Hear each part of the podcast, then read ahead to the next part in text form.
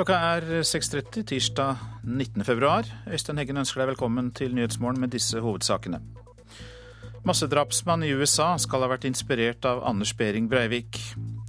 Norske besteforeldre er blant de ivrigste i Europa til å passe barnebarn. De kommer når de, når de trengs. Man plutselig må reise bort med jobben eller et møte som ikke blir ferdig tidsnok for å hente i barnehagen. Legg ned kvinneorganisasjonen i Senterpartiet, det sier ungdomslederen i partiet. Vi går inn i en ny tid. Det er mer likestilling i politikken og i organisasjonsliv. Sandra Borch leder i Senterungdommen. Og lærere mobbes på Facebook-side.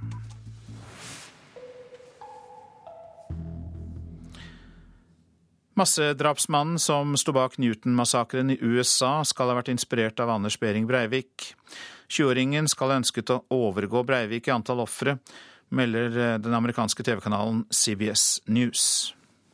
Massedrapsmannen Adam Lanza stormet Sandy Hook-barneskolen i Newton i Connecticut i desember i fjor og skjøt og drepte 20 barn og 6 voksne før han tok sitt eget liv.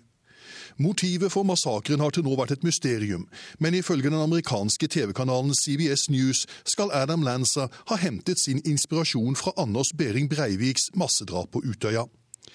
Det er to anonyme amerikanske tjenestemenn som skal ha fått innsyn i politiets etterforskningsmateriale, som hevder dette overfor den amerikanske nyhetsstasjonen.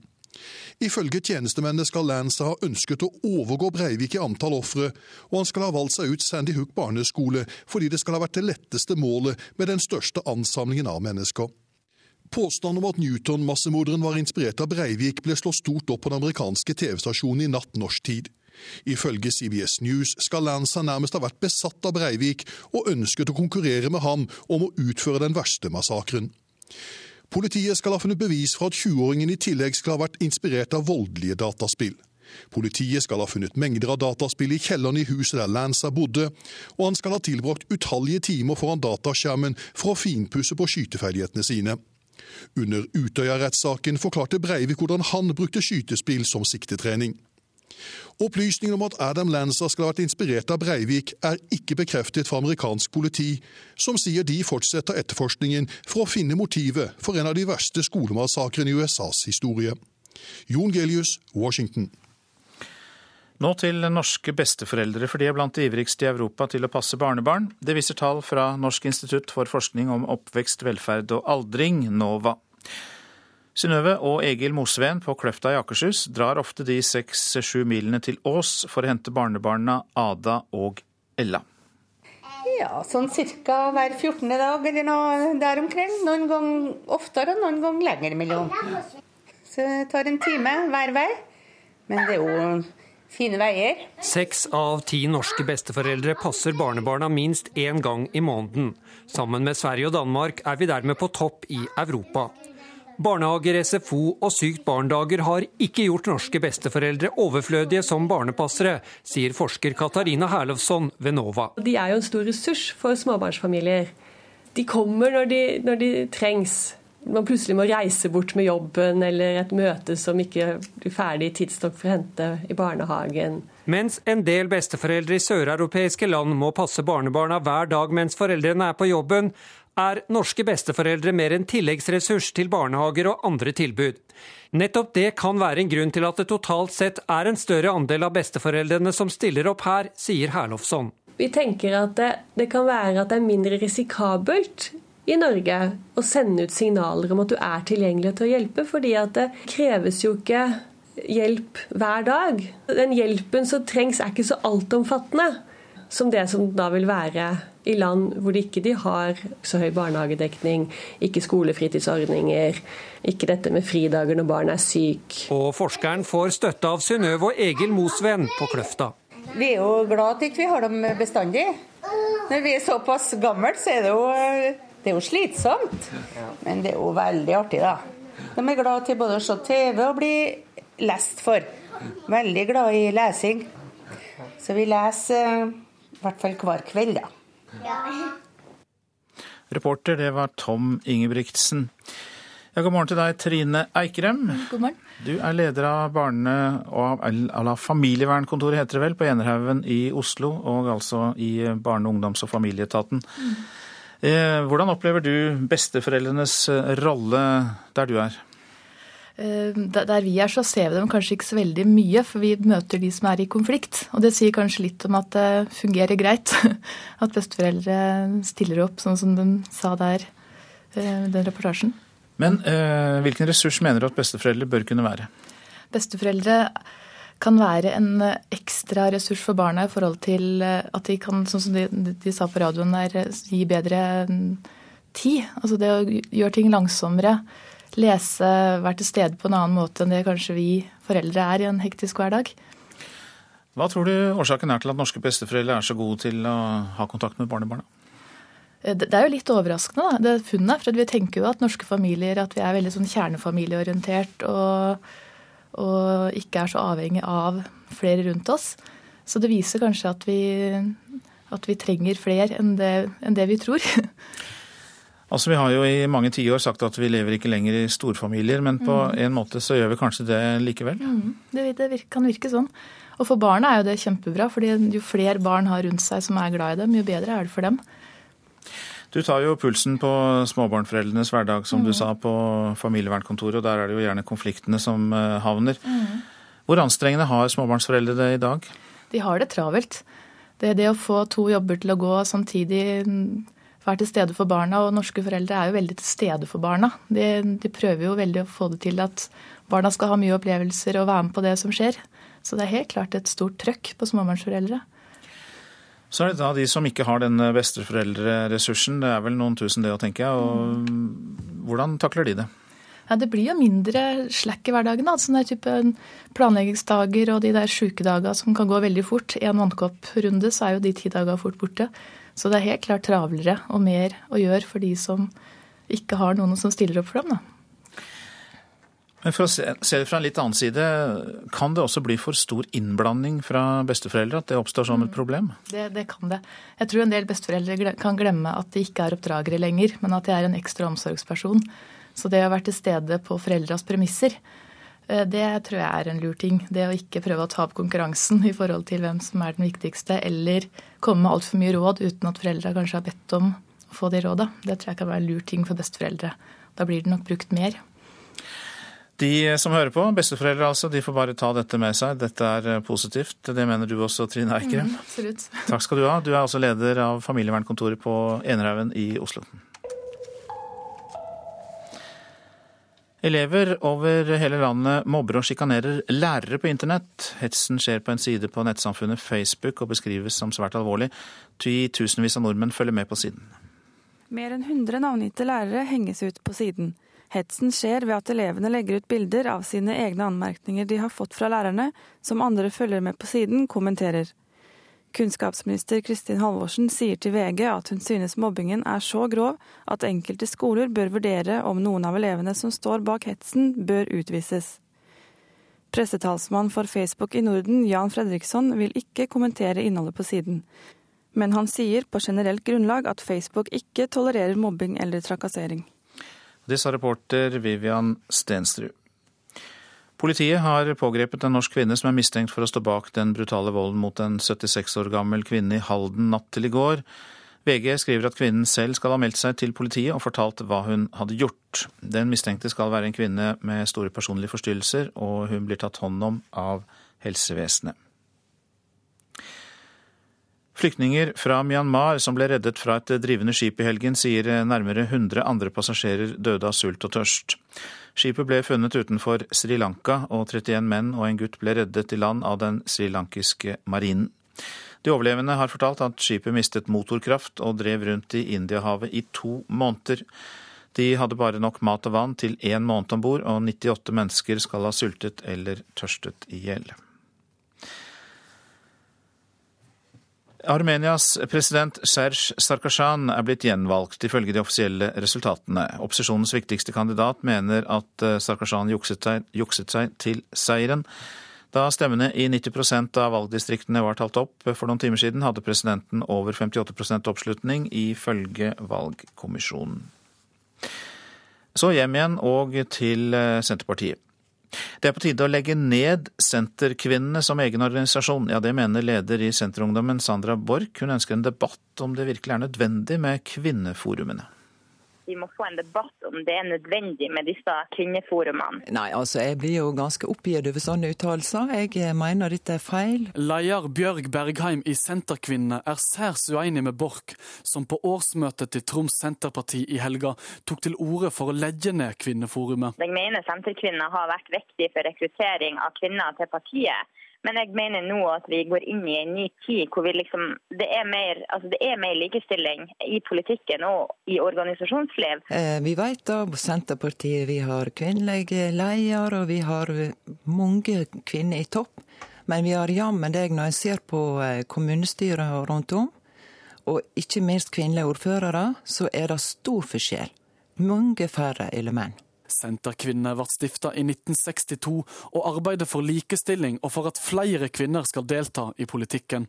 Borch spør seg om de er til nytte lenger. Det er jo en debatt man må ta i hvert enkelt fylke. Men sånn som i Troms så mener jeg at eh, vi ikke har eh, behov for et uh, senterkvinne. fordi at vi jeg mener kvinnene i, Troms Senterparti er, godt bevart innenfor de felles forumene. og Eh, og jeg mener at kvinner i dag er generelt mye tøffere, at man ikke trenger de her egne forumene. Senterkvinner er viktige pga. nettverket. Det har det vist seg de kvinnesamlingene vi har hatt, og når vi har fått inn nye jenter som er kommet inn i eh, kommunestyret og lokale styrer og sånt, og det er ikke bare lett for dem, så det er godt å ha et sånt nettverk. Der en kan øve seg på å gå på talerstolen, øve seg på å debattere og sånne ting. Reporter her, det var Jon Bolstad. Nå til avisene. Den norske skolen i Brussel er tatt for 56 lovbrudd og mister godkjenningen, skriver Aftenposten. Skolen for norske elever i EU-hovedstaden har krevd fem ganger my for mye i skolepenger, gitt direktøren halvannen million i lønn og leid inn biler for skolens ansatte. Arbeidsfolk svikter Fremskrittspartiet, kan vi lese i Klassekampen. Oppslutningen blant fagorganiserte er halvert på to år. Noe er feil med budskapet vårt, sier nestleder Per Sandberg. Flere skadet etter laseroperasjon, skriver Adresseavisen. Øyespesialist Kjell Løfors mener flere av hans kolleger ved private klinikker tar for store sjanser ved synskorrigering. Coop vet hva du pleier å handle, kan vi lese i Fedrelandsvennen. Bruk av medlemskort gir Coop informasjon som brukes til å tilpasse tilbud. Fremtidens markedsføring, sier Coop, mens Datatilsynet har bedt om en redegjørelse. Listetopper ukjente for fire av fem velgere får vi vite i Nasjonen. Sak og parti er viktigere enn person, sier valgforsker Toril Aalberg. Finansbransjen er lønnstaperen, skriver Dagens Næringsliv. Det er en normalisering, mener Knut Brundtland i ABG Sundar Collier. Han mener lønnsnivået har vært for høyt i finansnæringen. Har tatt tusenvis av afghanske liv, skriver Bergens Tidende om norske soldater i Afghanistan. 940 norske soldater mener de har tatt liv i krigen i Afghanistan, viser undersøkelse. Advarer mot å gå i terrorfella, skriver Dagsavisen. Jusprofessor sier vi kan komme til å innføre lover som bryter med menneskerettighetene. Seks av ti vil ha kristen grunnlov i Norge, er oppslaget i Vårt Land. De mener at eh, det kristne verdigrunnlaget fortsatt bør være fastslått i Grunnloven. Kraftig kutt i togtilbudet, skriver Bergensavisen. Arbeidet med Ulrikstunnelen fører til 30% kutt i antall avganger til Arna.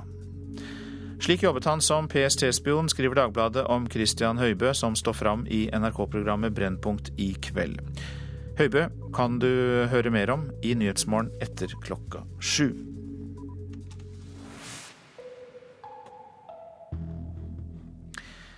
Det norske langrennslandslaget er bedre i år enn under ski-VM i Oslo i 2011. Ja, Det mener landslagssjef Vidar Løfshus, og han får støtte av NRKs langrennekspert. Før VM i Val di Fiemme, som altså starter denne uken. På papiret så er jo mannskapet faktisk sterkere nå, og særlig på herresida så har vi flere som kan hevde seg bra og ta medaljer. Så sånn sett så er det jo et sterkere mannskap. Damene som gikk sprinten i Oslo og gikk sprinten i, i, Vancouver, er jo blitt eldre og blitt bedre og sterkere. Så medaljekandidater er det flere av, og så spørs det om vi har, har så stang inn som vi hadde i Oslo. Men selv om troppen er bredere og på papiret sterkere enn for to år siden, betyr ikke det at de norske langrennsløperne er garantert å oppleve like stor suksess som i Holmenkollen. Og kommer til å ta sin andre gullmedalje her i VM-anlegget på hjemmebane. I 2011 sørget Marit Bjørgen og de norske langrennsløperne for åtte gull, fire sølv og fire bronse. Det som skjedde der var jo en fantastisk greie. og tror at vi skal kopiere det her, det, det vil nok være litt utopi, men uh, vi har nå i hvert fall noe å strekke oss etter. Nei, Vi kan ikke forvente å, å kopiere det som skjedde i, i Holmenkollen. Sier NRKs langrennsekspert Torgeir Bjørn. Vi har riktignok vel så bra lag totalt sett nå. Vi har det samme sterke damelaget som før. Vi har på herresida kanskje et enda bedre lag i skøyting enn vi hadde under eh, Holmenkollen. Men vi hadde store fordeler av hjemmebane. Vi hadde kanskje bedre ski enn de fleste konkurrentene, og det vil vi neppe få denne gangen. Så jeg tror den totale fangsten for Norge kanskje ender på en fem-seks gull eh, totalt for kvinner og menn. Reporter Geir Elle. Klokka den går mot 6.46. Dette er eh, hovedsaker i Nyhetsmorgen. Massedrapsmann i USA skal ha vært inspirert av Anders Behring Breivik. Norske besteforeldre er blant de ivrigste i Europa til å passe barnebarn. Legg ned kvinneorganisasjonen i Senterpartiet, det sier ungdomslederen i partiet. Og lærere mobbes på Facebook-side, som følges av flere tusen.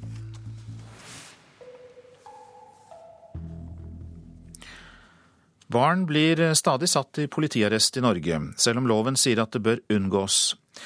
Det er bare et tidsspørsmål før et barn tar sitt liv i politiarresten. Det advarer barneombud Anne Lindboe. Hun vil ha en umiddelbar slutt på praksisen.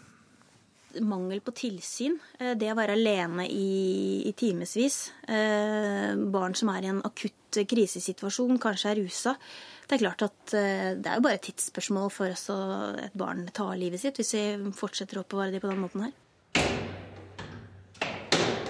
Det finnes lite statistikk på området, men vi vet at i 2010 ble sperra inne rundt 1600 barn i norske politiarrester. Det barn forteller, da Vi har jo vært i kontakt med mange barn som har sittet i arrest. De forteller at det er noe av det aller verste de har vært med på. Det var det mest skremmende, eh, det skumleste eh, og det verste under hele prosessen fra de på en måte ble hanka inn av politiet, satt i arrest, kom i varetekt, eh, opp, opp, opp i retten og, og sitt i fengsel. Barneombudet mener disse barna er glemt av norske myndigheter og har i lang tid bedt politiet om å stanse praksisen. Nei, Vi syns ikke at noen barn skal eh, sitte i politiarrest. Det er jo også FNs barnekomité helt klare på eh, at de ikke skal. Eh, og dette er jo noe som Justisdepartementet og Politidirektoratet har vært klar over lenge, at det er et eh, problem. Men det går altfor sakte. Regjeringen ba for nesten ett år siden Politidirektoratet om å gjennomgå rutinene på dette området. Seniorrådgiver i Politidirektoratet, Asbjørn Gran, påpeker at det tar lang tid å endre lovverket. Man må altså være litt realistisk. Det, det hender at barn under 18 år kan gjøre ganske alvorlig kriminalitet. og Da bruker altså politiet de straffeprosessuelle regler som eksisterer i dag. og Det bruker de etter vår oppfatning på en, på en god måte. Eh, likevel så skal vi registrere nå eh, hvor mange barn som sitter i politiarrest, og vi skal registrere hvordan forholdene er ute. Og Som sagt så har politidistriktene en frist eh, innen utgangen av februar med opplysninger som vi da vil gi til den arbeidsgruppen som nå nettopp er nedsatt for å se litt på hvordan vi skal håndtere barn som, som har gjort eventuelle straffbare handlinger. Stavanger-politiet satte rundt 60 barn i arresten i fjor, men trenden er nedadgående, ifølge politistasjonssjef Odd Tveit Jørgensen. Ja, Ordet barn vil ikke bruke med mindreårige. Det er da personer under 18 år, og i noen tilfeller så tar vi de òg inn i arresten. Først må jeg si at Det er veldig få vi tar inn som er under 18 år. I hele fjor så var det 62 som ble tatt inn, og flesteparten de var 17 år. Vi prøver jo så langt vi kan å unngå å ha de arresten. Bl.a. så tar barnevernet seg av en del, og vi prøver å kontakte foreldre hvis vi har mulighet til det, for at de skal bli kjørt hjem i stedet for å bli tatt inn i arresten. For en måned siden døde en 61 år gammel mann i politiarresten i Stavanger. Saken er under etterforskning av Spesialenheten for politisaker. Nei, Det gjør at jeg blir veldig bekymret, for det er jo grunn til å tro at mange barn blir behandlet på lik linje som voksne når de sitter i arrest. Lindboe forstår at barn som er berusa eller har gjort noe kriminelt, bør bli tatt hånd om, men at dette bør gjøres på en annen måte enn i dag. Man skal huske at dette er barn, det er ikke voksne vi snakker om, og de skal ikke sitte alene innelåst på en, en glattcelle uten møbler og, og uten voksenkontakt. Så det vi mener er jo at det skal være voksenkontakt. Det skal være rom som er innredet på en human måte, som, som et oppholdsrom med en ordentlig madrass og, og vindu. Og reporter her, det var Rolf Christian Toppdal. En av Europas mest ettersøkte terrorister, ETA-lederen som går under navnet Joshu Ternera, skal nylig ha vært i Oslo for å delta i en fredsdialog med spanske myndigheter og med Norge som uoffisiell mellomaktør. Det er VG som skriver dette, med spanske aviser som kilde. Ternera skal ha vært i Norge i flere uker og bodd anonymt på et studenthjem i Oslo. Tunsberg-biskop Laila Riksåsen Dahl vil søke avskjed fra jobben. Dahl fyller 67 år i mars neste år, og informerte de andre biskopene om avgjørelsen under et møte i Oslo i forrige uke. Det skriver Vårt Land. Hun har sittet i tolv år og slutter 1.7.2014. Jeg føler at jeg snart har fullført løpet, og jeg vil gi meg før jeg er for sliten, sier Riksåsen Dahl til eh, Vårt Land. Har du noen gang gått på feil fly? Ikke så ofte, kanskje, men det skjer nok hyppigere, hyppigere på Kristiansand lufthavn Kjevik enn andre steder. Der står flyene side ved side uten at passasjerene sluses inn i det riktige flyet. Liv Britt Kambo er en av passasjerene som har havnet i feil flymaskin. Så fulgte jeg strømmen inn på flyet og fant seteplassen min. Satte meg ned og slapp av, spente fast og tenkte nå er jeg klar til avgang. Så hørte jeg fra høyttaleranlegget nå er vi klar til avgang til Bergen. Bergen, tenkte jeg. Jeg skulle jo til Oslo. Mens man hos de aller fleste andre flyplasser blir kanalisert direkte ut til flyet man skal ta, blir man på Kjevik derimot stilt overfor et valg. Der står nemlig alle flyene på rekke og rad. Noe Tor Erik Egerdal hos SAS Ground Handling på Kjevik er fullt klar over. Feilen skjer nemlig flere ganger i løpet av uka. Det er jo et av problemene med Kjevik flyplass det at ikke vi har tuber, og vi har litt for dårlige korridorer uh, ut mot flyene. Vil dette bli bedre når den nye terminalen står klar om et par år? Vi får uh, to parkeringsplasser til, så det kan bli litt større avstand mellom flyene. Men det jobbes også med en bedre merking på sånn fortausstriper på asfalten, og det håper vi kan hjelpe litt. Med. Ja, det kan jo være greit å velge hvor man vil fly der og da, men ikke så praktisk alltid, kanskje. Reporter var Yngve Stiansen. De var 2000 eh, på 1980-tallet, nå er det bare 70 igjen. Vi snakker om videobutikker, som det blir stadig færre av. Hei.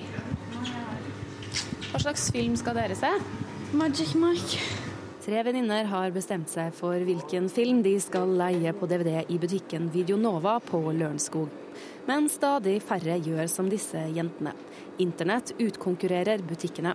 I fjor gikk leieomsetningen for DVD ned med 30% og nå kommer nedleggelsene. Video, video. 1980-tallet. Videoens gullalder. Norge hadde over 2000 videobutikker. Videofilmer som heimehygge, det er ei utvikling som griper mer og mer om seg. Men nå er det ifølge bransjebladet Videomagasinet bare om lag 70 rene videosjapper igjen i Norge. Men flere av de blir nedlagt i år.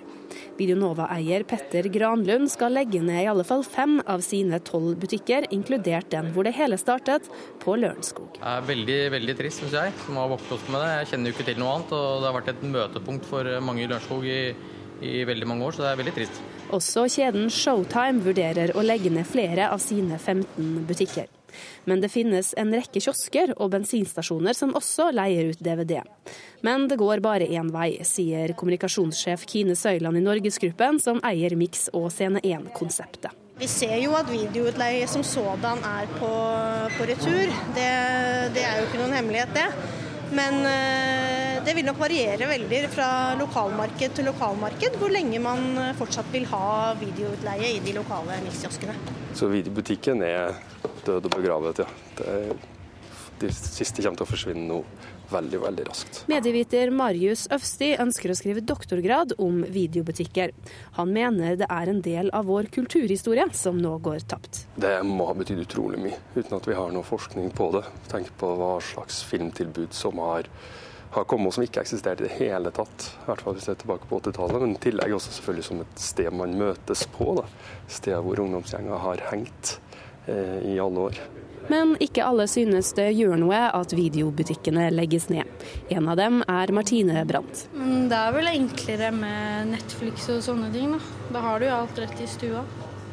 Så ja. Jeg er heller for det, egentlig.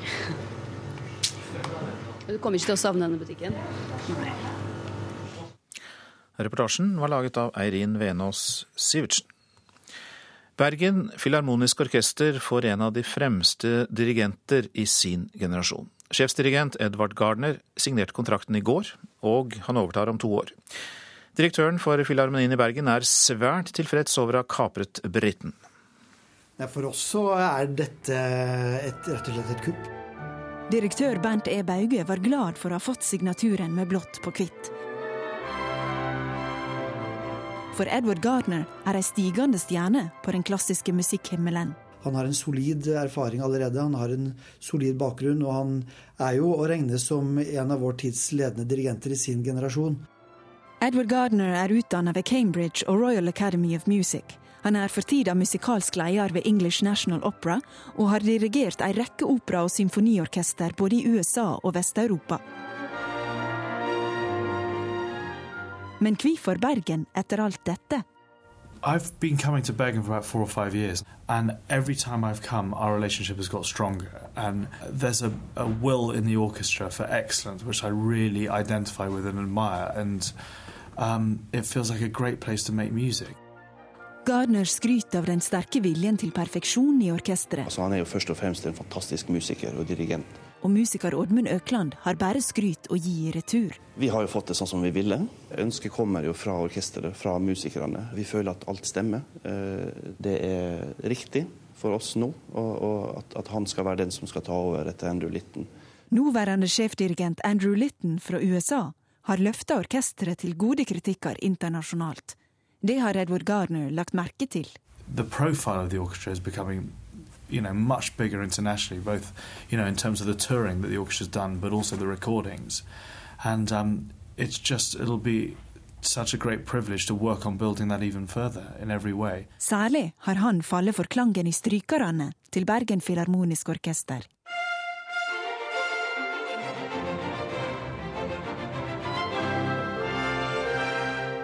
There's unquestionably unique sound of this orchestra, and it's based around this string technique, this extraordinary Norwegian string technique, and, and also a tradition of it as well. That's something I'd love to engage with and develop as much as possible. Nå håper direktør Bernt E. Bauge på et enda sterkere internasjonalt ry. Her kan det være en, en god match for å, for å jobbe videre internasjonalt, og han vil ikke minst også kunne åpne nye dører for oss. Det er vi ganske sikre på.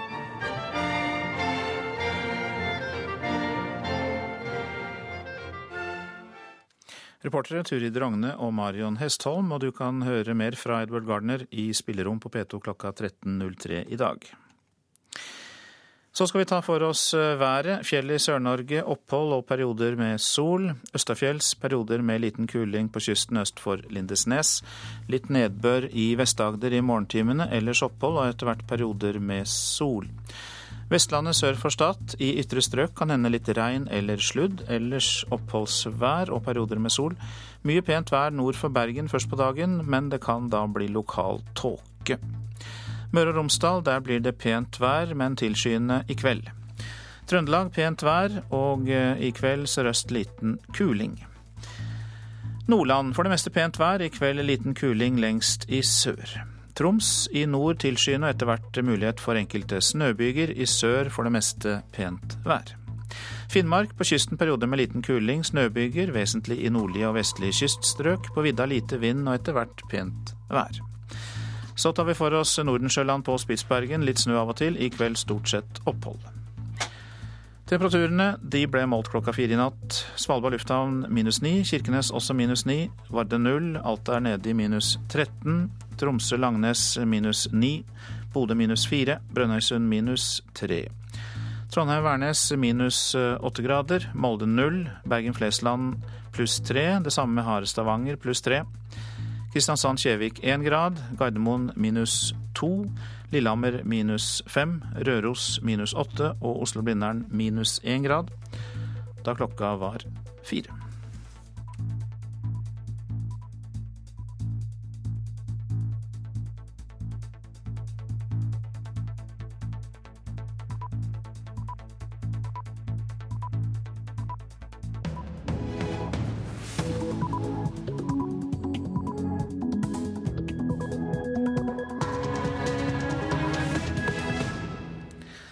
Klokka den er blitt sju. Du lytter til P2s Nyhetsmorgen. Her er Øystein Heggen i studio i dag, og vi har en nyhetsoppdatering først. Blitzer levde hemmelig dobbeltliv i ti år og jobbet som PST-agent. Nå forteller han sin historie. For å kunne holde på å gjøre dette i ti år, så skal du være skummelt flink til å sjonglere personligheter. Christian Høibø, som altså både var blitzer og PST-agent. Nordmenn flest har svært god tillit til egen økonomi, viser spørreundersøkelse. Eh, når det gjelder pensjonsreformen, så kan de eh, ta fleksibelt uttak fra 62. De kan jobbe ved siden av, og de har gode pensjonsordninger både gjennom folketrygden og tjenestepensjon. Administrerende direktør i Finans Norge, Ida Kreutzer. Norske besteforeldre er blant de ivrigste i Europa til å passe barnebarn. Ledelsen i Senterungdommen tar til orde for å legge ned Senterkvinnene. Jeg mener at kvinner i dag er generelt mye tøffere, at man ikke trenger de her egne forumene. Sandra Borch, leder i Senterungdommen. Og italienerne går til urnene på søndag for å velge ny statsminister.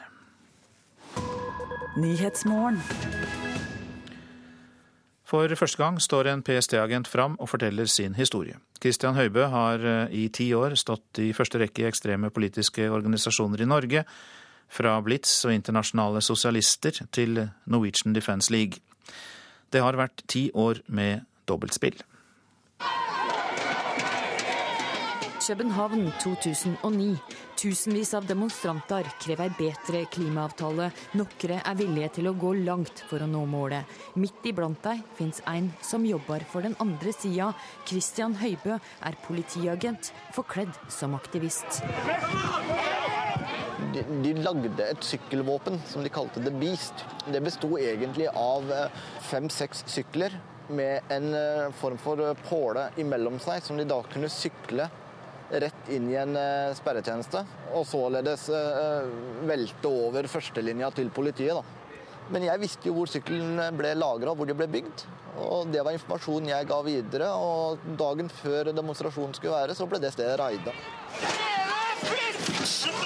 Fire år tidligere er Høibø på et møte på Blitz. Så det er ganske mange mennesker på Blitz. Og man mer eller mindre spontant finner ut at man skal gå opp mot den britiske ambassaden og, og, og storme denne. Skråstrek bedrive hærverk. Mens de pakker sammen maling og, og bannere, så får jeg tatt en veldig kjapp telefon til og bare sagt 'hei, pappa'. For det var, det var det, kodeordet vi brukte når det var helt åpenbart at det var andre rundt meg som skulle si pappa. Uh, og da var det den type 'kommer litt sent hjem til middag', og vi planlegger en aksjon foran den britiske. Så hvis jeg blir arrestert, så kommer jeg sikkert til å ringe deg. Plutselig så er det politi foran og bak oss, og alle blir arrestert og kjørt inn. Eh, og således forhindra da hele aksjonen. Aktivisten Christian Høibø, som har operert over hele Europa og stått fram som talsperson under store demonstrasjoner, har aldri eksistert. For Høibø har hele tida fora PST med store mengder opplysninger og fotfølgt enkeltpersoner på oppdrag for PST sin seksjon for kontraekstremisme. For å kunne holde på å gjøre dette i ti år, så skal du være skummelt flink til å sjonglere personligheter. Eh, så eh, evnen til å, til å, føre et regnskap over egne løgner, og, og, og være komfortabel, ikke minst, med, med, egne løgner, eh, det er vel kanskje det viktigste. Og, og forhåpentligvis ikke miste seg selv underveis i det. I Brennpunkt i kveld forteller han hvordan han i åtte år har infiltrert den ekstreme venstresida. I 2010 gjorde han et sceneskifte en ikke skulle tro var mulig. Han ble styremedlem i den høyreekstreme organisasjonen Norwegian Defence League. Jeg satt og kunne manipulere og styre og infiltrere Norwegian Defence League som jeg ville. PST har betalt reiseregninger, telefon og internett, men ikke lønn. Han har levd et dobbeltliv i ti år uten å bli avslørt som politiagent. Nå vil Christian Høibø ut. Du, du kan ikke gjøre dette i ti år til, og, og, og risikoen ved det også. NRK har lagt fram opplysningene i saka for PST. Leder av operativ avdeling, Tore Risberget, stadfester Christians historie. Vanligvis kommenterer vi ikke forhold til eh, kilder, eh, men i dette tilfellet har vi valgt å gjøre et unntak. Han har vært en kilde for PST i mange år og har gjort en god jobb for oss i denne perioden. Og du får høre og se mer om denne saken i Brennpunkt i kveld. Reportere Astrid Randen og Frode Nilsen. Redaktør i Brennpunkt, Odd Isungset, god morgen. God morgen. Dette er en historie om undercover agents som vi har hørt om fra andre land, bl.a. Storbritannia. Men i Norge må det være ganske unikt? Ja, jeg mener denne historien er helt unik. Eh, det er jo sånn at en kanskje har venta på at eh, en slik historie skulle dukke opp. For som Christian Høibø sier, så er jo dette et veldig spesielt liv. Og før eller seinere så må en jo bryte ut av det. Det vi lurer på er om Politiets sikkerhetstjeneste bruker flere slike? Ja, det må vi jo anta. Eh, det er jo jobben deres å, å ha agenter i ulike miljø for å følge med. Kommer vi under huden på Christian Høibø i det programmet som går i kveld? Altså få innsyn i hans motivasjon for dette dobbeltlivet? Ja, delvis. Eh, men han er jo en, eh, skal jeg si det, en, en spesiell fyr. En, en, kar som da har vanka rundt som blitsaktivist i veldig mange år. Han har vært deltaker i Robinson-ekspedisjonen, f.eks. Så han, han, han, er jo en, en mangesett Altså en mangefasettert kar. Men vi blir delvis kjent med han, det må jeg si. Problematiseres det at eh, han både var agent og lederskikkelse i disse organisasjonene? Altså at han kunne initiert og tatt initiativ til eh, aksjoner som var eh, ulovlige, men likevel da representerte makta, på en måte, myndighetene? Nei, jeg vil ikke si at vi problematiserer dette direkte. Men, men denne filmfortellingen er først og fremst hans beretning. Eh, og den gir et unikt innblikk i hans metoder, eller PSTs metoder. Og den gir oss et innblikk i dette veldig spesielle dobbeltlivet som han har levd i alle disse åra. Lund-kommisjonen avdekket ulovlig politisk overvåkning da den kom på 90-tallet. Hvordan tror du holdningen til folk eh, er når det gjelder politisk overvåkning i dag? Eh, har du, tror du at den har endra seg? Å oh ja, veldig. Altså, Jeg jobber jo sjøl som journalist med disse sakene i forkant av Lund-kommisjonen. Mm. Og da, da, må vi vel innrømme i ettertid at uh, veldig mange av oss som holdt på med dette journalistisk, betrakta de hemmelige tjenestene som et eller annet slags uh, veldig skummelt maktapparat uh, som vi ikke hadde forståelse for. Og vi fikk jo høre fra våre litt eldre sjefer den gangen at vi hadde ikke opplevd denne Eh, kalde krigen, og vi skjønte ikke hva dette dreide seg om. Eh, etter 11.9, og kanskje spesielt etter 22.07, så har jo vår holdning til dette forandra seg totalt. Og det ser vi jo nå når, når eh, PST har denne pressekonferansen som de hadde i går, og snakka åpent om trusselvurderingen. Det er, en, det er jo en helt, helt annen tid.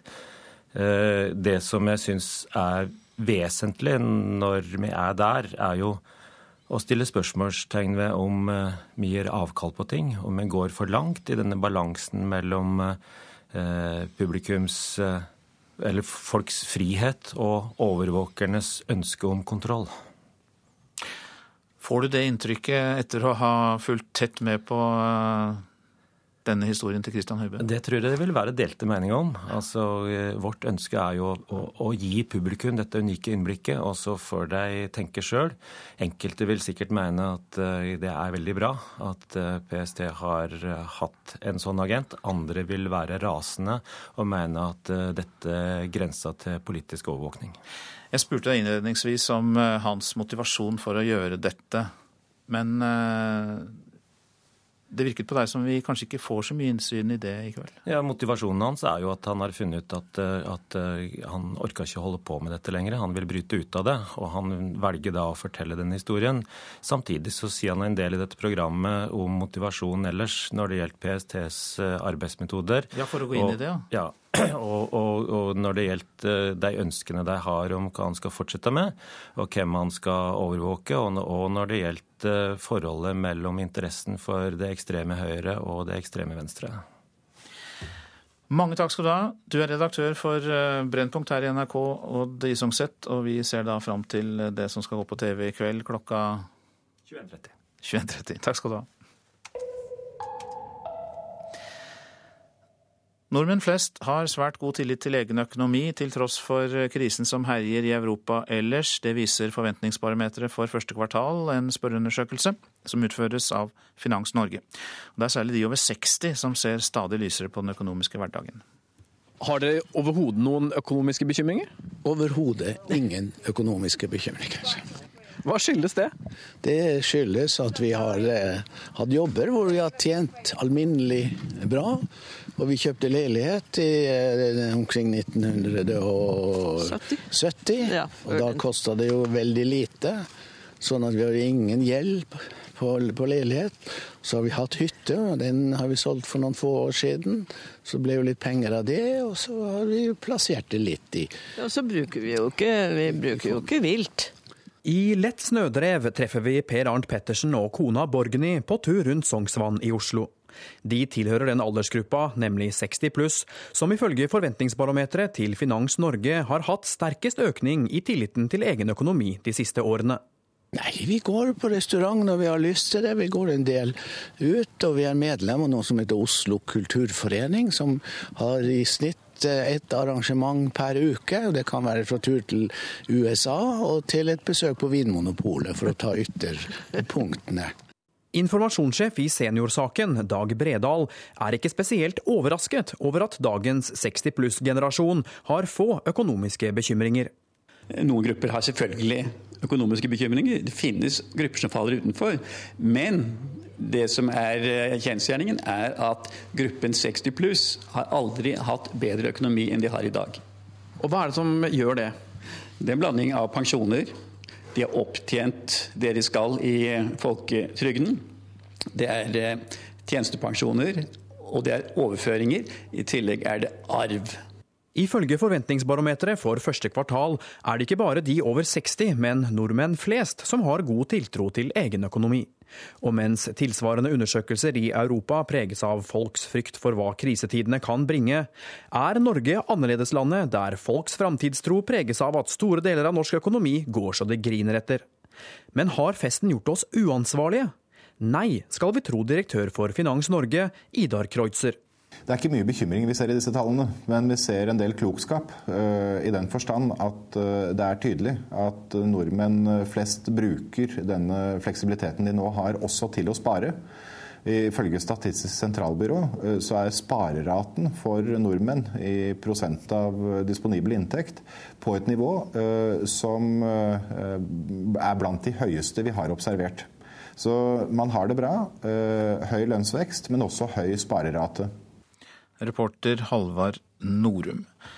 Elisabeth Olvik, du er sjeføkonom i Sparebank1. Et liv i sus og dus hørte vi om her for de eldste. Hva med de som kommer etter?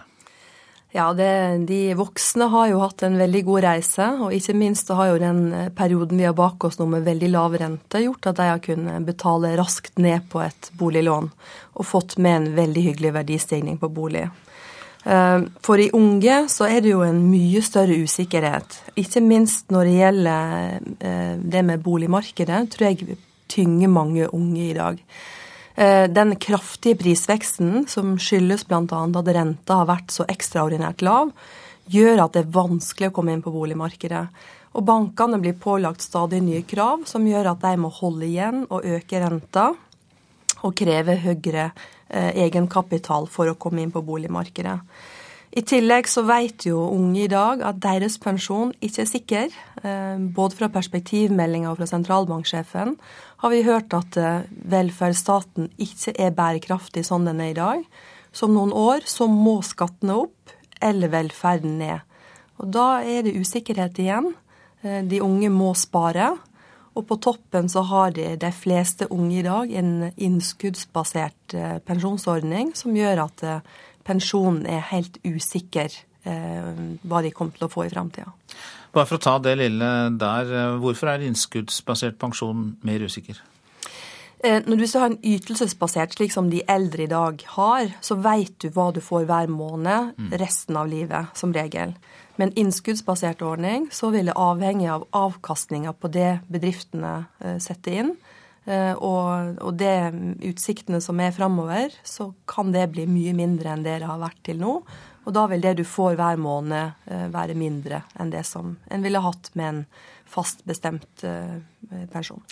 Da er usikkerhet et stikkord. Men du, hva tror du, hvis du skal spekulere litt om de politiske partiene om de kommer til å skattlegge de eldre hardere etter hvert, for det er jo der ressursene finnes?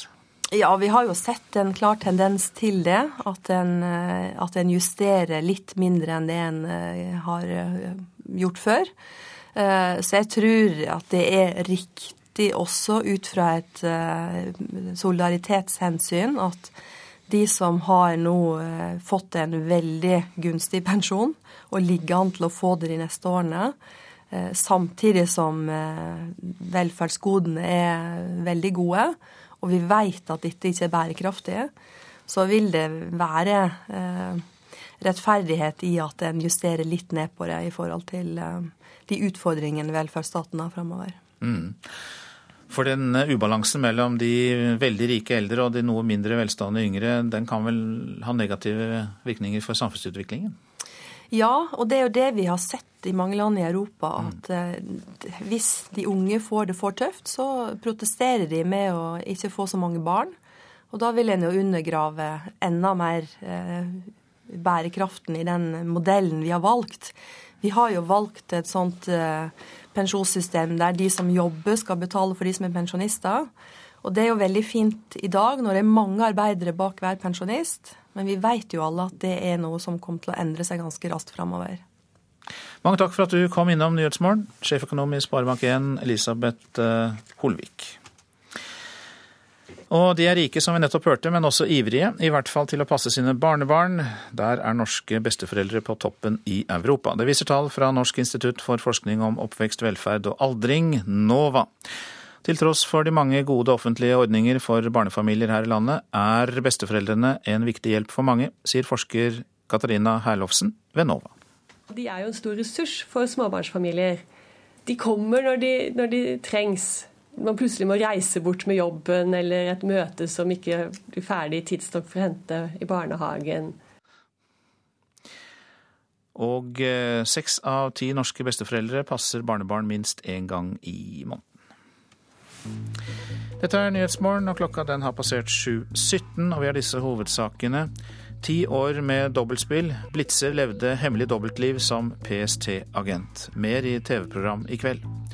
Nordmenn flest har svært god tillit til egen økonomi, viser spørreundersøkelse.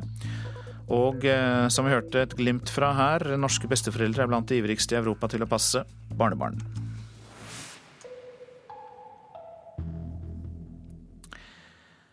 Berlusconi, Monti og Bersani. Tre navn som dominerer innspurten i valgkampen i Italia. Søndag og mandag skal italienerne velge ny statsminister. Reporter Christian Aanensen, du følger valgkampen i Italia. Hvordan ligger kandidaten an? Ja, her i Italia så er det jo et lite hav av politiske partier. Eh, men for å gjøre det litt lettere for, for oss, så har de mer eller mindre organisert seg i fire koalisjoner. Eh, og som du sier, så har vi da den sentrums-høyre-koalisjonen til Silvio Berlusconi og den rene sentrumskoalisjonen til Mario Monti og, og Venstre-alliansen som ledes av som du sier, Per Uji Benzame. Eh, I tillegg så finnes det en litt mindre eh, koalisjon på ytre venstre.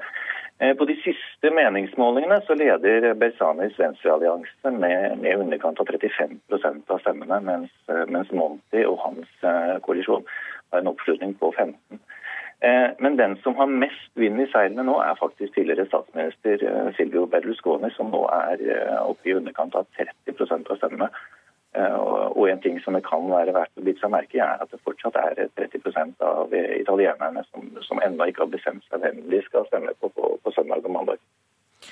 Ikke uventet så kjører Berlusconi hardt på oppløpssiden. Det har han jo gjort før, Aanensen. Men du, Eh, vi har jo hørt at eh, Mario Monti, teknokraten som har vært statsminister, har meldt fra at han ikke ønsker å stille som statsminister. Eh, hvordan ligger det an med det nå? Ja, Han gjorde jo det tidligere i vinter, men så, så ombestemte han seg og, og, og stiller allikevel da som, som frontfigur for denne sentrumskoalisjonen. Her i Italia så spekuleres jo det på om det er et, rett og slett et forsøk fra Monti sin side i å hindre at flere stemmer eh, på Berlusconi og hans sentrum høyre, eh, som, som fortsatt er en populær mann i enkelte områder. Hvor populær er Monty, da? Han har jo gjennomført en del sparetiltak, så det er jo ikke sikkert han har alle med seg?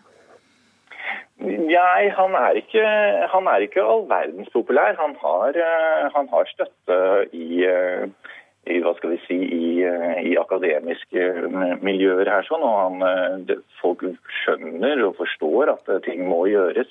Men, men italiensk politikk preges jo av, av, populisme i aller høyeste grad, og der er jo egentlig ikke Monti i sitt ess. Du, Hvilke saker dominerer? Det er jo først og fremst eh, økonomi som er det, er det viktigste temaet. Eh, men overraskende nok så, så, er det ikke så dominerende som, som, man skulle tro. Eh, faktisk så har jo flere aviskommentatorer her nede pekt på at det nesten politikk i valgkampen. Berlusconi er jo nesten bare opptatt av å, å, å snakke om hvordan han skal fylle italienernes lommer etter det han kaller Monti og tyskernes ran av befolkningen. Eh, så den eneste som får sånn noenlunde ståkarakter av, eh, fall av politiske kommentatorer her nede, er Besanes, som, som, holder fast på at det er offentlige utgifter som må kuttes, og, og skattene må, det økes. Berlusconi, Monti eller Bersani, du, kan det bli Berlusconi nok en gang som statsminister? Det er nok lite trolig, eh, men han er jo i, i høyeste grad tilbake igjen. Eh, det er jo mannen som, eh, som, ingen trodde ville gjøre et politisk comeback, som, som nå kjemper om, om stemmene til sist til slutt. Eh, han, han, trakk jo seg for ett og et halvt år siden da Monty og hans teknokratregjering overtok. Den gangen støttet han Monti, og, og, frem til desember i fjor så sa han at det var uaktuelt for å stille til valg. Så ombestemte han seg også. og Det er jo onde tunger som vil ha det til at han gjør det mer for å redde sitt eget selskap enn for å redde Italia. Eh, for Berlusconi selskap Mediaset har jo i likhet veldig mange andre italienske selskaper slitt tungt den siste tiden. Men, eh, men etter at Berlusconi bestemte seg for å igjen forsøke seg i politikken, så har spillene der pekt oppover.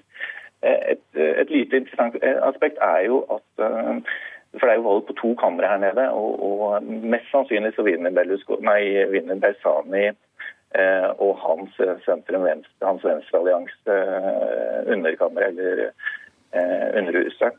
Eh, men spørsmålet er jo da om hvor mange stemmer klarer Berlusconi å ta i Senatet, eh, som kan gjøre at han kan trenere ganske mange lovforslag fremover. Takk skal du ha, Christian Aanensen. Dette valget er altså søndag og mandag.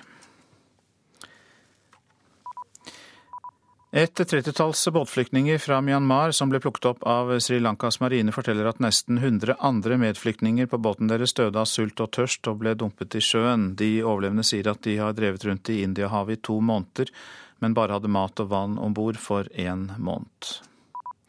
Den mest kjente opposisjonelle på Cuba, bloggeren Jani Sanchez, ble møtt av pro-cubanske demonstranter da, han, da hun ankom Brasil som første land på en omfattende utenlandsk rundreise. Sanchez, som første gang har Sanchez, som første gang har fått lov til å reise ut fra Cuba, ble kalt CIA-agent av demonstrantene, men svarte smilende at hun håper hennes egne landsmenn får samme rett til å demonstrere. Så til eh, dagens aviser. Den norske skolen i Brussel er tatt for 56 lovbrudd og mister godkjenningen, skriver Aftenposten. Skolen for norske elever i EU-hovedstaden har krevd fem ganger så mye for skolepenger, gitt direktøren halvannen million i lønn og leid inn biler for skolens ansatte. Arbeidsfolk svikter Fremskrittspartiet, kan vi lese i Klassekampen. Oppslutningen blant fagorganiserte er halvert på to år. Noe, feil med budskapet vårt, sier, noe er feil med budskapet vårt, sier nestleder Per Sandberg. Flere skadet etter laseroperasjon, skriver Adresseavisen. Øyespesialist Kjell Løfors mener flere av hans kolleger ved private klinikker tar for store sjanser ved synskorrigering. Norske lærere henges ut på hatside, skriver VG. Lærere fra hele landet mobbes og hetses med navn og bilde på en Facebook-gruppe som følges av 30 000 personer. Coop eh, vet hva du pleier å handle, kan vi lese i Fedrelandsvennen. Bruk av medlemskort gir Coop informasjon som brukes til å tilpasse tilbud. Fremtidens markedsføring, sier Coop selv, mens Datatilsynet har bedt om en redegjørelse. Listetopper ukjente for fire av fem velgere, får vi vite i Nasjonen. Sak og parti er viktigere enn person, sier valgforsker Toril Aalberg. Finansbransjen er lønnstaperen, skriver Dagens Næringsliv. Det er en normalisering, mener Knut Brundtland i ABG Sundal Collier. Han mener lønnsnivået har vært for høyt i finansnæringen. Har tatt tusenvis av afghanske liv, skriver Bergens Tidende om norske soldater i Afghanistan. 940 norske soldater mener de har tatt liv i krigen i Afghanistan, viser undersøkelse. Advarer mot å gå i terrorfella, skriver Dagsavisen. Jusprofessor sier vi kan komme til å innføre lover som bryter med menneskerettighetene. Seks av ti vil ha kristen grunnlov i Norge, er oppslaget i Vårt Land. De mener at det kristne verdigrunnlaget fortsatt bør være fastslått i Grunnloven. Kraftig kutt i togtilbudet, skriver Bergensavisen. Arbeidet med Ulrikstunnelen fører til 30% kutt i antall avganger til Arna. Og slik jobbet han som PST-spion, skriver Dagbladet om Christian Høibø, som vi hørte om i denne sendingen. Og det blir mer om han i programmet Brennpunkt i kveld.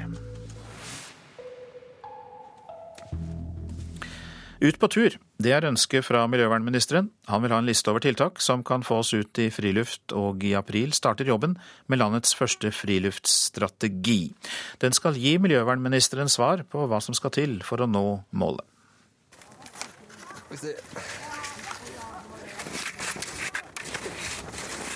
Kai Reinfjell spenner på seg skiene en kort tur unna byens larm, og gjør seg klar for nypreparerte løyper. Du kan bo midt i byen og likevel eh, ha ganske umiddelbar tilgang på skog og natur. Nå vil miljøvernminister Bård Vegar Solhjell at flere skal gjøre som Kai. Vi skal legge fram en friluftslivsstrategi i vår. Målet med den det er å få enda flere enn de mange som gjør det, til å bruke naturen, være ute, fordi det er viktig i seg sjøl, men ikke minst fordi det er et topp folkehelsetiltak. Landets første friluftsstrategi skal få flere ut på tur, både oftere og på mer varig basis enn i dag. Først og fremst er det stillesittende barn og unge han vil ha i aktivitet.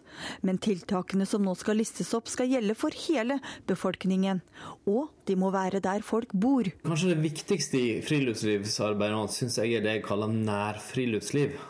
Altså, veldig mange av oss drar jo på fjellet og i nasjonalparker og langt unna og styrer på. Men hvis vi skal få med deg siste ekstra, så er det kanskje det med turstier rett ved der du bor, skiløyper nær deg, parker. Det å tilrettelegge for eh, at man lett kan komme ut og bruke naturen. Det er viktig. Miljøverndepartementet og Naturdirektoratet skal nå se nærmere på hvordan man enkelt kan komme seg til bynære friluftsområder ved å gå gjennom bl.a. kollektivtilbud og sykkel- og gangstier. For Kai er tilgjengelighet alfa og omega. Det er veldig viktig, for det, det er jo der dørstokkmila ligger til mange, tror jeg. Så for å komme seg opp, så må det være et godt tilbud. Dagene er jo fylt med andre ting òg, som skole og ikke, oppvask generelt. Så det er greit å, greit å få den turen fort unnagjort, så du kommer deg opp og uh, kan gjøre det du vil gjøre. Da. Sitt! Sitt! Kan du få noe, da? Vent, kan du få noe? Kan du få noe? Ja, det siste rest. Bokseren Baltus sier ikke nei til en godbit etter dagens spasertur i skogen med Margaret Dyrhol. Også for henne er det viktig med friluftsområder som ligger godt til rette. Jeg syns det er veldig viktig. Altså, det er jo viktig både psyken og, og, fysisk. Altså, det er jo sagt at nordmenn blir tykkere og tykkere. Så, og er det en heis, så tar jeg den sånn på trappa. Leder av Østfoldhelsa, Inger Kristin Torp, ønsker strategien velkommen, og håper den utløser flere og bedre tilskudd som kan hjelpe kommunene å tilrettelegge. Den type midler vil være viktig også i framtida for å få det til. For det må være tilgjengelig for folk så nær bostedet som mulig. Og så må vi sjøl tenke i forhold til reguleringsplaner at vi bevarer grønne lunger og muligheter for å komme ut i naturen. Reporter her, det var Anette Torjussen. Valget i Kenya er tema for reportasjen etter Dagsnytt. Sønnen til landets første president er en av kandidatene, men han er også anklaget for forbrytelser mot menneskeheten.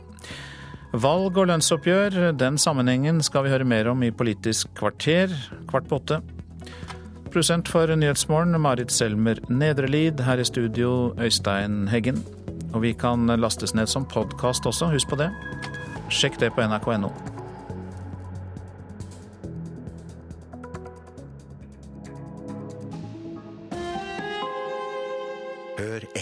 Når livet her på jorda er over, så eksisterer du fortsatt.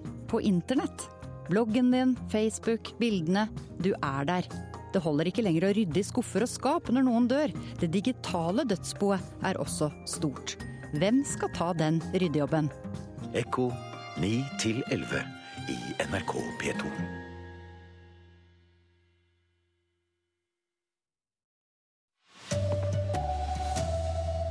Blitz-aktivist levde hemmelig dobbeltliv i ti år og jobbet som agent for sikkerhetspolitiet. For å kunne holde på å gjøre dette i ti år, så skal du være skummelt flink til å sjonglere personligheter. Og norske besteforeldre er blant de ivrigste i Europa til å passe barnebarna sine. Her er NRK Dagsnytt, klokka er 7.30.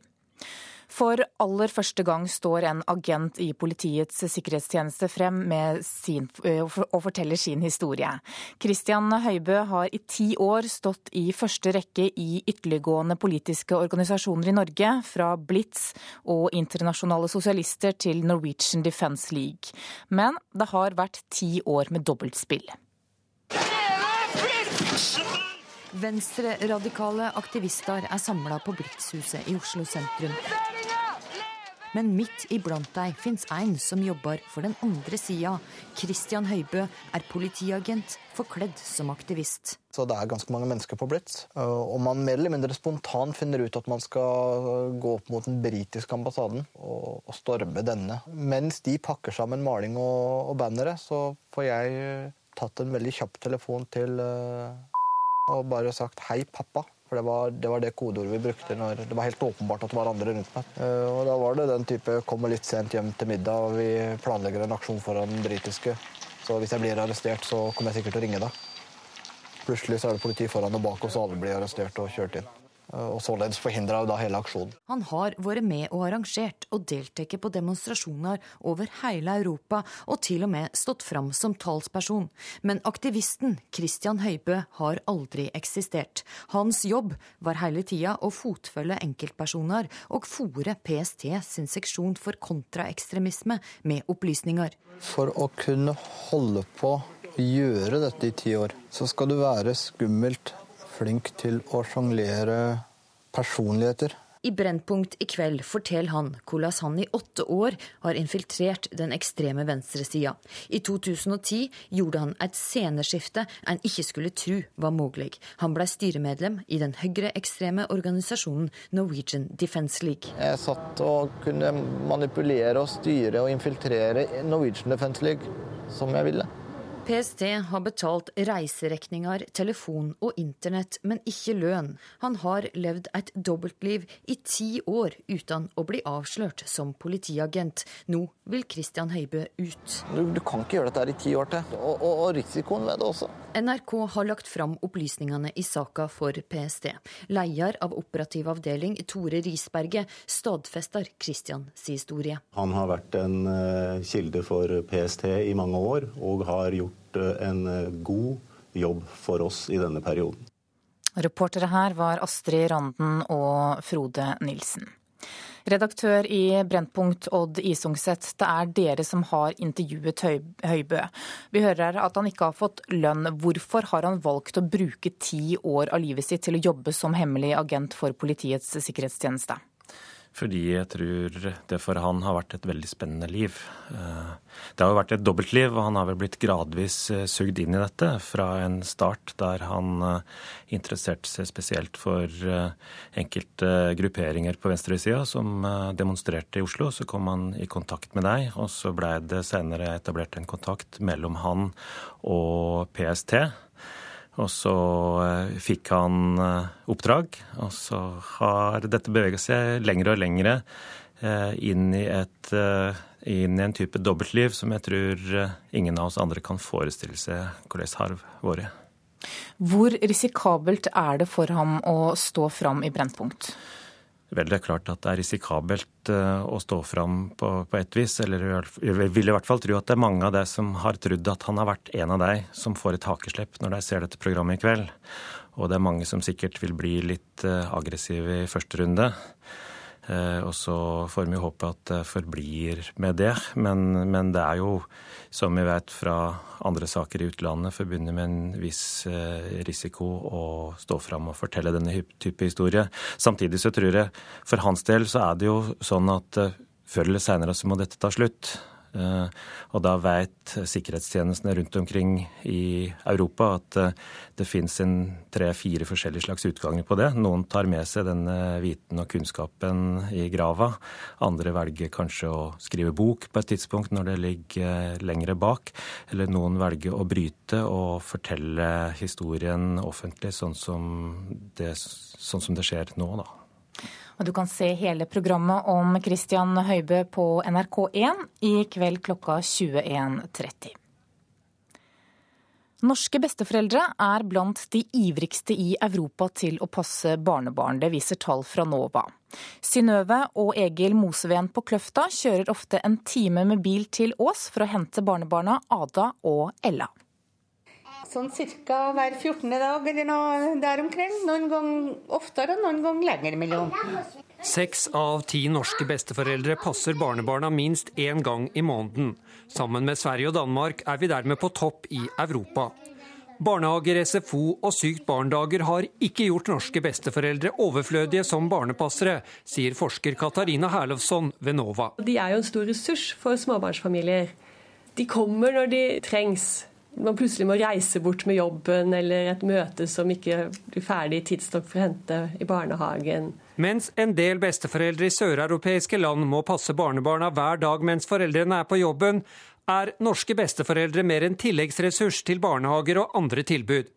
Nettopp det kan være en grunn til at det totalt sett er en større andel av besteforeldrene som stiller opp her, sier Herlofsson. Vi tenker at det, det kan være at det er mindre risikabelt i Norge og sende ut signaler om at du er tilgjengelig til å hjelpe. fordi at den hjelpen som trengs, er ikke så altomfattende som det som da vil være i land hvor de ikke de har så høy barnehagedekning. Og forskeren får støtte av Synnøve og Egil Mosven på Kløfta.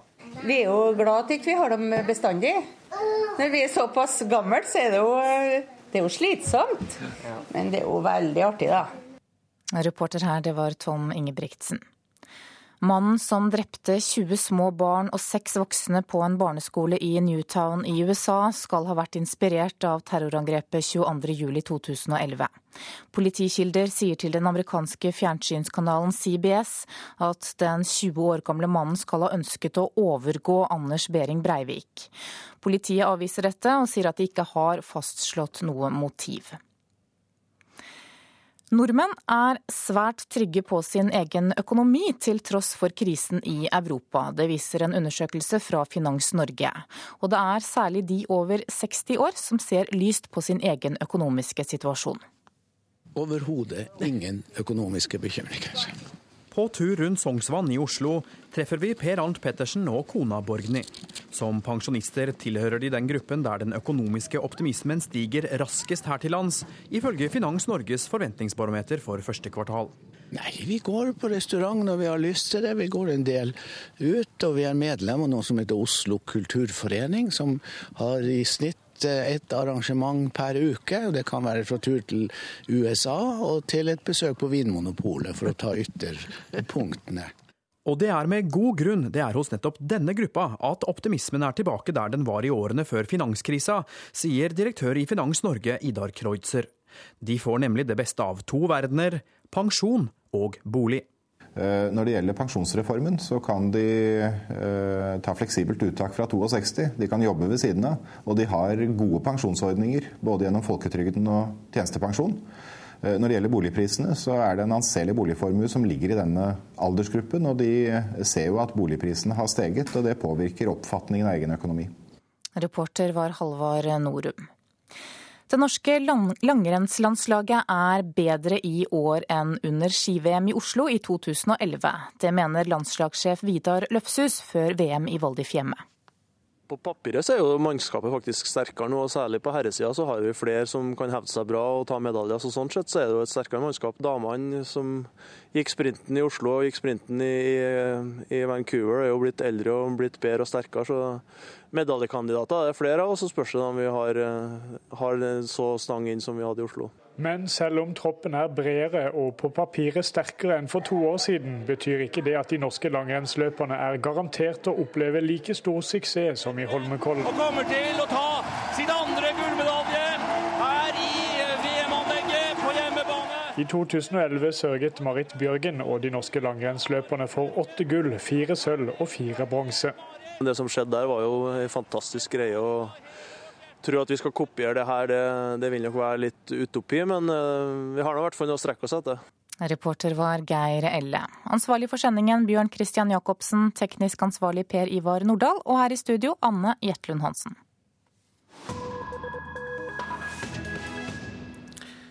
Valget i Kenya er tema for Nyhetsmorgen nå.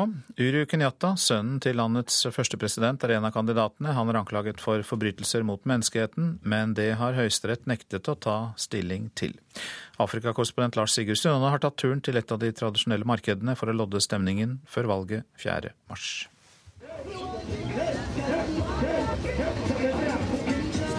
Liv og røre og et myldrende, farverikt folkeliv. Vi er på markedet i Kawangwari, en av Nairobis fattigste bydeler. Enten du er på jakt etter piratkopierte filmer, brød, tepper, gullfliser, tomater, bøker, kjøleskap, sko eller brukte klær. Det er her du finner det du leter etter. De flotte og moderne kjøpesentrene som skyter i været i Kenyas hovedstad, er for de rike, for den stadig voksende middelklassen og skaren av diplomater og internasjonale bistandsarbeidere som gjør sin ofte godt betalte gjerning i den østafrikanske nasjonen med rundt 40 millioner innbyggere. Men det er på markedet som i Kawangwari at flertallet av Nairobis innbyggere kjøper det de har råd til. Av bl.a. grønnsakshandlere som kameratene Steven Bogwai Mungai og Kenneth Karanya. Begge ser for seg en lysere fremtid nå for 4. mars er det valg på ny president og ny nasjonalforsamling i Kenya. Og Steven Boguamongai er ikke i tvil om hvem han ønsker skal overta landets høyeste embete. Det må bli Uhuru Kenyatta, sønn av Kenyas første president og frigjøringshelt Jomo Kenyatta.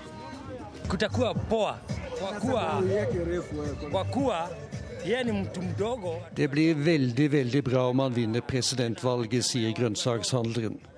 Han er ung, og vi er unge. Nå trenger vi unge mennesker til å lede landet vårt. Ikke den gamle garden. Den skal vi bli kvitt. 52 år gamle Uhuru Kenyatta er vel ikke helt ung, men yngre enn den viktigste motkandidaten i presidentvalget, Kenyas 68 år gamle statsminister Raila Odinga. Skulle Kenyatta vinne og bli president, er det ikke uproblematisk, siden den internasjonale straffedomstolen i Haag har tiltalt 52-åringen for forbrytelse mot menneskeheten under volden som rystet Kenya etter det forrige presidentvalget for fem år siden. Men akkurat det bekymrer ikke grønnsakshandlerne Mungai og Karanya på markedet i Kawangwari. Atashinda, atashinda hiyo ICC e, na hana makosa vile twajua hana makosa.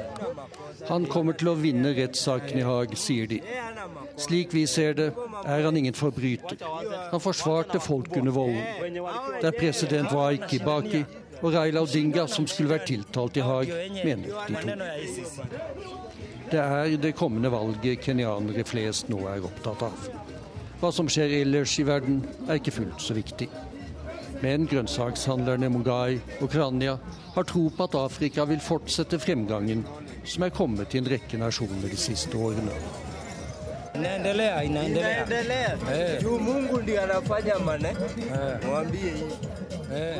Fremgangen kommer med Guds hjelp, sier de.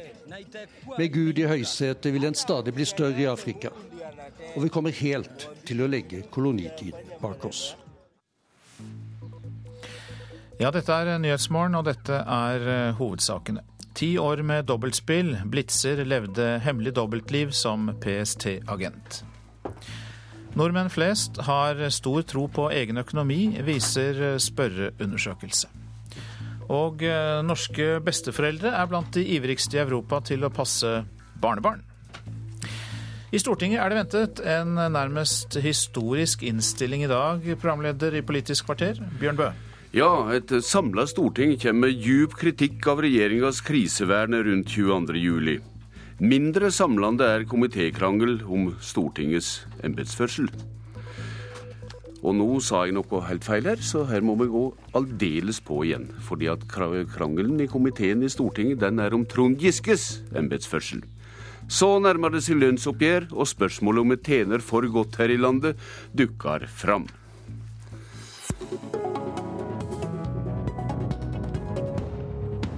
I Stortinget kommer i dag kontrollkomiteens tilråding etter regjeringas utgreiinger om 22.07-kommisjonen.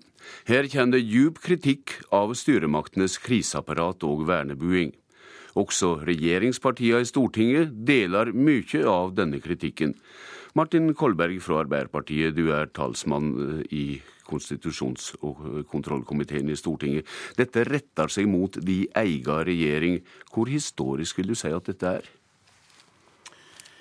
Ja, Nå får vi eh, vente til vi får eh, innstillingen i løpet av ettermiddagen. Den blir offentlig i løpet av ettermiddagen. Men eh, også regjeringsfraksjonen har hatt et som hele tiden som sin, sin tenkning at det var nødvendig å kritisere det som skal kritiseres. Det, vi står overfor ikke det som kan kalles for en vanlig sak. Vi står overfor en sak som eh, tok livet av 77 mennesker. Det var et eh, attentat mot Arbeiderpartiet. Det var et attentat mot eh, norske verdier, med store materielle skader og store menneskelige lidelser. Og Da er det nødvendig å legge en del av det partipolitiske til side. Og det er helt nødvendig å gå tungt inn i sakens realiteter. Og det har også regjeringsfraksjonen gjort. Og det er riktig som programlederen sier her, at det har også medført betydelig kritikk også fra regjeringsfraksjonens side. Opposisjonen har ymta om at en går så langt det er mulig uten å reise mistillit mot regjeringa. Hvor alvorlig er da dette i høve til regjeringas styringsdugleik og omdømme? Jeg mener at regjeringen har håndtert denne saken veldig godt. Og selv om det da altså er grunnlag for kritikk, som jeg nå sier her, at uh, også regjeringsfraksjonen stiller seg bak, så mener jo vi at regjeringen i sin alminnelighet og statsministeren i sin særdeleshet har tatt dette ansvaret veldig tungt inn over seg. Og vi har jo også opplevd at eh, statsministeren på en ryddig og tydelig måte har beklaget eh, forholdene eh, i Stortinget. Og det har jo også vært med på å legge grunnlaget, kan du si, for den behandlingen som da komiteen har gjort. Ja, du sa det nesten sjøl. Altså, I Stortinget har statsministeren sagt seg lei for manglene i styringsverket. I parlamentarisk forstand Kolberg, så er det sterke ord. Hvor langt vil også det gå i å ta statsministeren og statsministerens årsaking til kunnskap? Ja, Vi mener jo at uh, den beklagelsen eh, var veldig viktig. Uh, men vi mener også at den var nødvendig. Og det er det å si om det at i et historisk perspektiv så er det veldig viktig at vi har klart for oss i denne saken at det er ikke bare det parlamentariske som er av avgjørende betydning. Det er hensynet til de døde, de etterlatte og, og de pårørende som står sentralt uh, for vår tenkning i denne saken. Og Derfor så deltar vi også i den kritikken som det er nødvendig å framføre. Eh, hva politiske følger får det etter ditt syn at et samla storting på så mange punkt er samd om kritikk? Ja, Nå tror jeg programlederen trekker det litt langt. Vi får se når innstillingen kommer, eller alle får se når innstillingen kommer, hvor, hvor samd man er i all kritikken. Eh, det er enighet på noen punkter, men det er også uenigheter både i valør og i historieskrivning. Mm. Og eh, det er veldig viktig å legge vekt på også. Og eh, du vil få se en veldig nyansert og god innstilling som eh, tar hensyn til ofrene, de pårørende, og som på en alvorlig måte bringer Stortinget og parlamentarismen inn i denne saken. Og ikke minst systemkritikk. Selvfølgelig, fordi at det er ikke noe tvil om at kommisjonsrapporten som da ligger til grunn for dette arbeidet også, selv om ikke den er til formell behandling i Stortinget, eh, er jo en innstilling som fremmet mye kritikk. og som alle har sagt er en sann kommisjonsrapport som eh, forteller en riktig virkelighet, og som også regjeringen har stilt seg bak.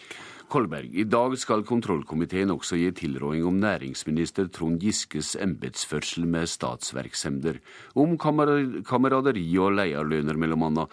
I den tilrådinga er det tydeligvis mindre semje. I Dagens Næringsliv i dag sier du at slike saker kan vi ikke ha, mens saksordfører Per Christian Foss fra Høyre sier at maken til polemikk i en tilråding som det regjeringspartiene driver med her, har han aldri sett før. Hva er det du driver med, Kolberg? Jeg ber spørsmålet om hva Foss driver med. Fordi uh, her har uh, opposisjonen brukt kontrollkomiteen som scene for en, uh, en, kontroll og en sak som det ikke var grunnlag for. Og høringen viste helt tydelig det. De hadde ingen sak. Det visste de godt på forhånd, men de gjennomførte høringen allikevel. Og vi kan ikke bruke Stortingets kontrollinstitutt på den måten. Og her er det helt riktig som det blir sagt i Dagens Næringsliv i dag, meget sterke merknader begge veier, vil jeg si. Men vi mener at dette er eksempler på hvordan kontrollkomiteen ikke skal brukes. Vi får se når alle sider av eh, polemikken her blir offentlige utpå ettermiddagen. Takk til deg, Martin Kolberg.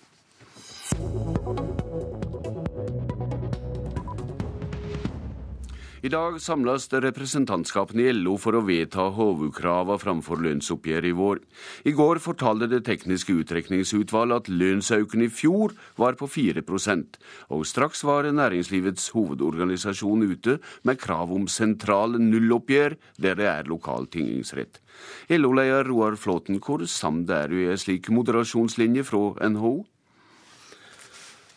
Nå eh, har vi jo ikke starta forhandlingene enda, men eh, det er jo ikke første gangen utspillet fra NHO eh, går mot et nulloppgjør som, som, på dette tidspunktet.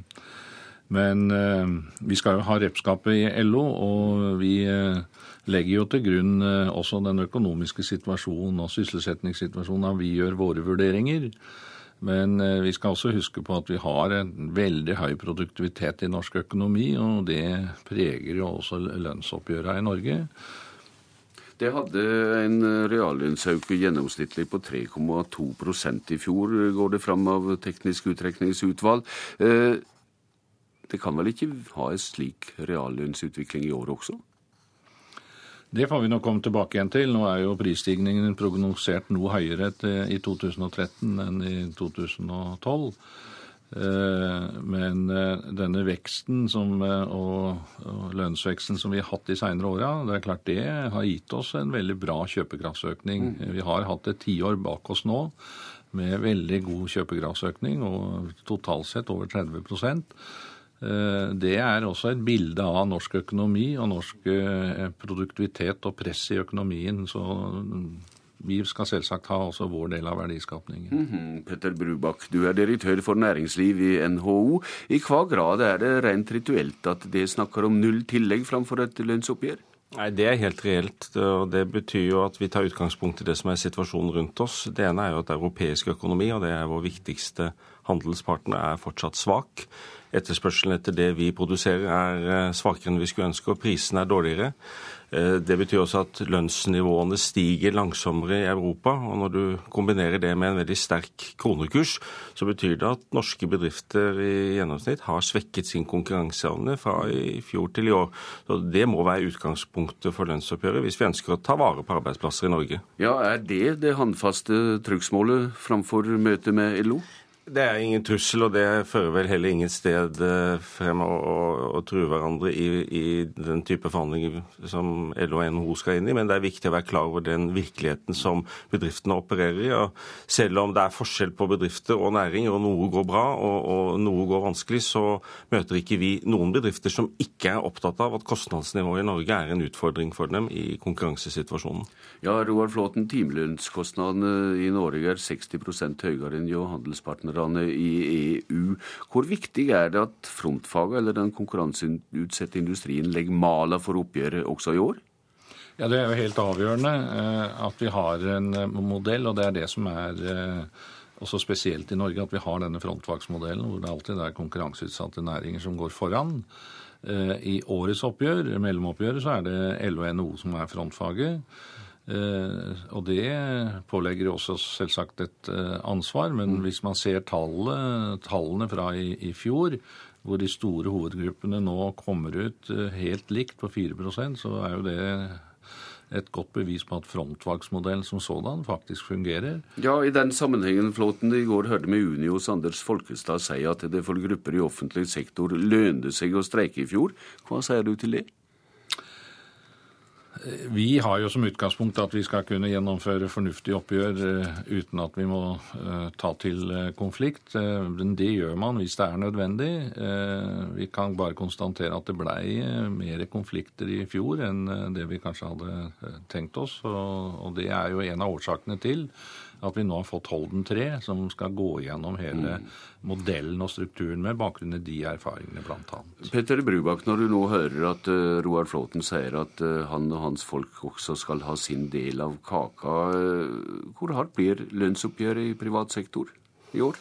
Nei, Nå skal lønnsoppgjøret begynne om tre uker, og jeg tror det er en ganske bred forståelse for at konkurransesituasjonen for mange bedrifter er veldig vanskelig, og at vi er nødt til å ha det som utgangspunkt når vi ser på det oppgjøret vi går inn i. Flåten, likelønn og minstelønn er fordelingspolitisk element i et lønnsoppgjør. Men du har også åpna en politisk front mot Høyre om formuesskatten. Hvorfor ser ikke du at minka formuesskatt kan være til hjelp for virksomheter, og dermed dine folk i virksomhetene? Jeg tror vi må ha som utgangspunkt at eh, et av grunnlagene for eh, at Norge er det velferdslandet vi er, det er jo at vi har et velfungerende skattesystem hvor man betaler skatt etter evne.